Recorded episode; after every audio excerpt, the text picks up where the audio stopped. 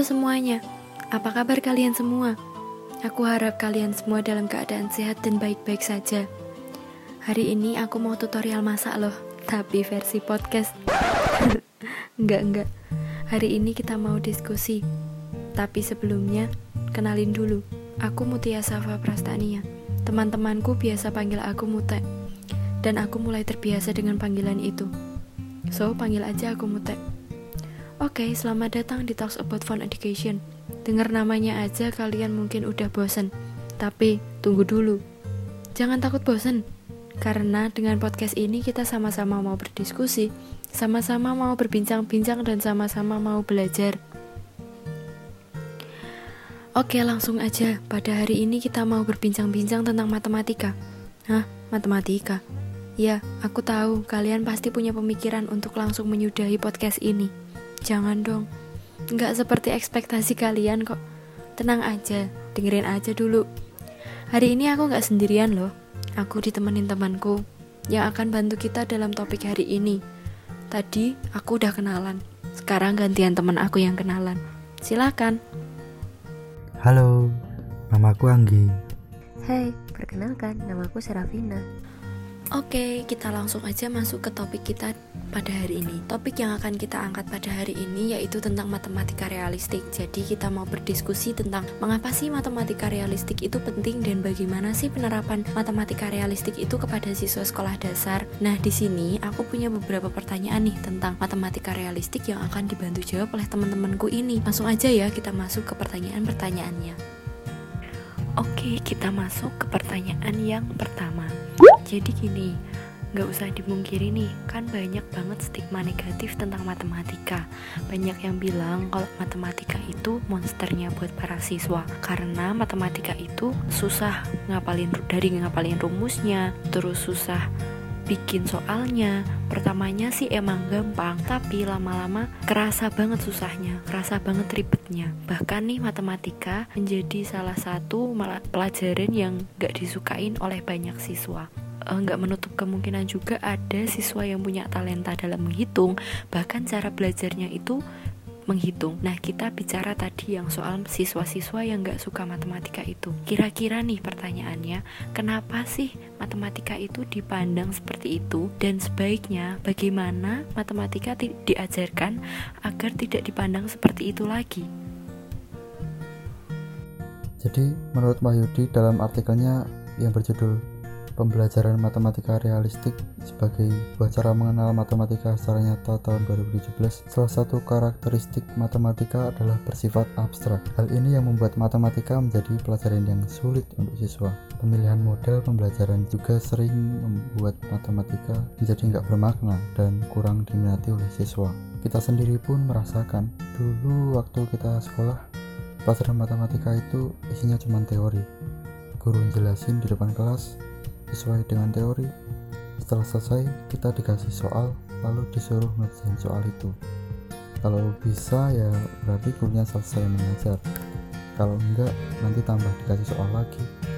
Dan membuat gak jarang siswa malah nggak paham ketika dia dihadapkan dengan soal cerita di mana soal cerita itu adalah soal yang biasa kita temui di kehidupan kita sehari-hari. Makanya untuk bagaimana matematika agar diminati, perlu adanya penerapan konsep matematika pada kehidupan sehari-hari atau pada bidang lain yang terkait. Seperti contohnya, ketika kita bermain congklak atau dakon, tanpa kita sadari kita juga belajar matematika. Dan anak-anak cenderung lebih ingat memainkan dakon daripada konsep penjumlahan yang diajarkan oleh guru. Pernyataan tersebut diperkuat penelitian para ahli yang sudah meneliti tentang pembelajaran matematika selama ini. Sangat diperlukan adanya pendekatan matematika realistik tersebut.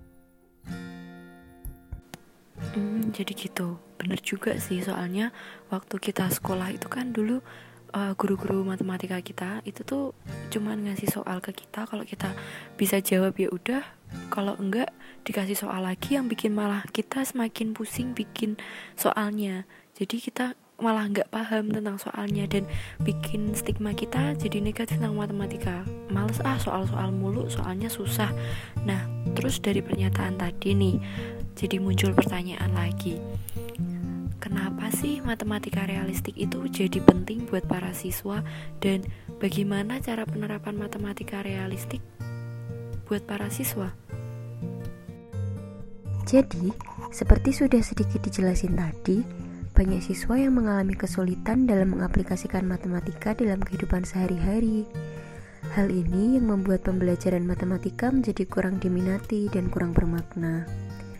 Dan menurut Van de Henvel dalam artikelnya Wahyudi, beliau menyatakan bahwa jika siswa belajar matematika terpisah dari pengalaman mereka sehari-hari, maka anak akan cepat lupa dan gak bisa mengaplikasikan matematika. Matematika realistik mengajak para pendidik itu menilai siswa secara autentik, bukan ke hasil belajarnya, namun lebih ke proses berpikirnya. Jadi, siswa bisa lebih mengerti dengan apa yang dipelajarinya. Lalu, bagaimana matematika realistik itu diterapkan?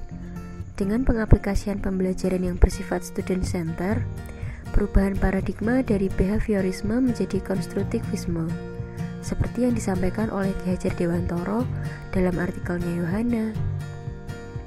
Permainan anak itulah pendidikan, dan permainan anak dimasukkan ke sekolah sebagai kultur.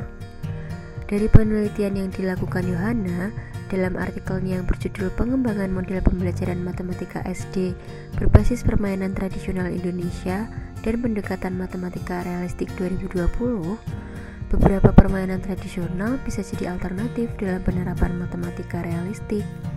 Contohnya, permainan balap karung untuk kecepatan materi, permainan gatrik untuk materi statistika, permainan kubak sodor untuk materi garis sejajar, berpotongan, dan berhimpit, permainan tasak untuk materi bilangan prima, permainan baluku untuk materi operasi hitung, dan permainan engklek untuk materi bangun datar. Nah, jadi gitu guys penjelasannya tentang kenapa matematika realistik itu penting dan bagaimana cara penerapan matematika realistik itu jika diterapkan kepada siswa sekolah dasar. Cukup menarik ya karena juga diperkuat dari pendapatnya para ahli dan ternyata artikel-artikel yang terkait tentang matematika realistik itu sangat banyak loh teman-teman. Pertanyaan selanjutnya itu apa sih sebenarnya peran peran dari guru? Apakah guru hanya sebagai fasilitator saja atau sebagai apa?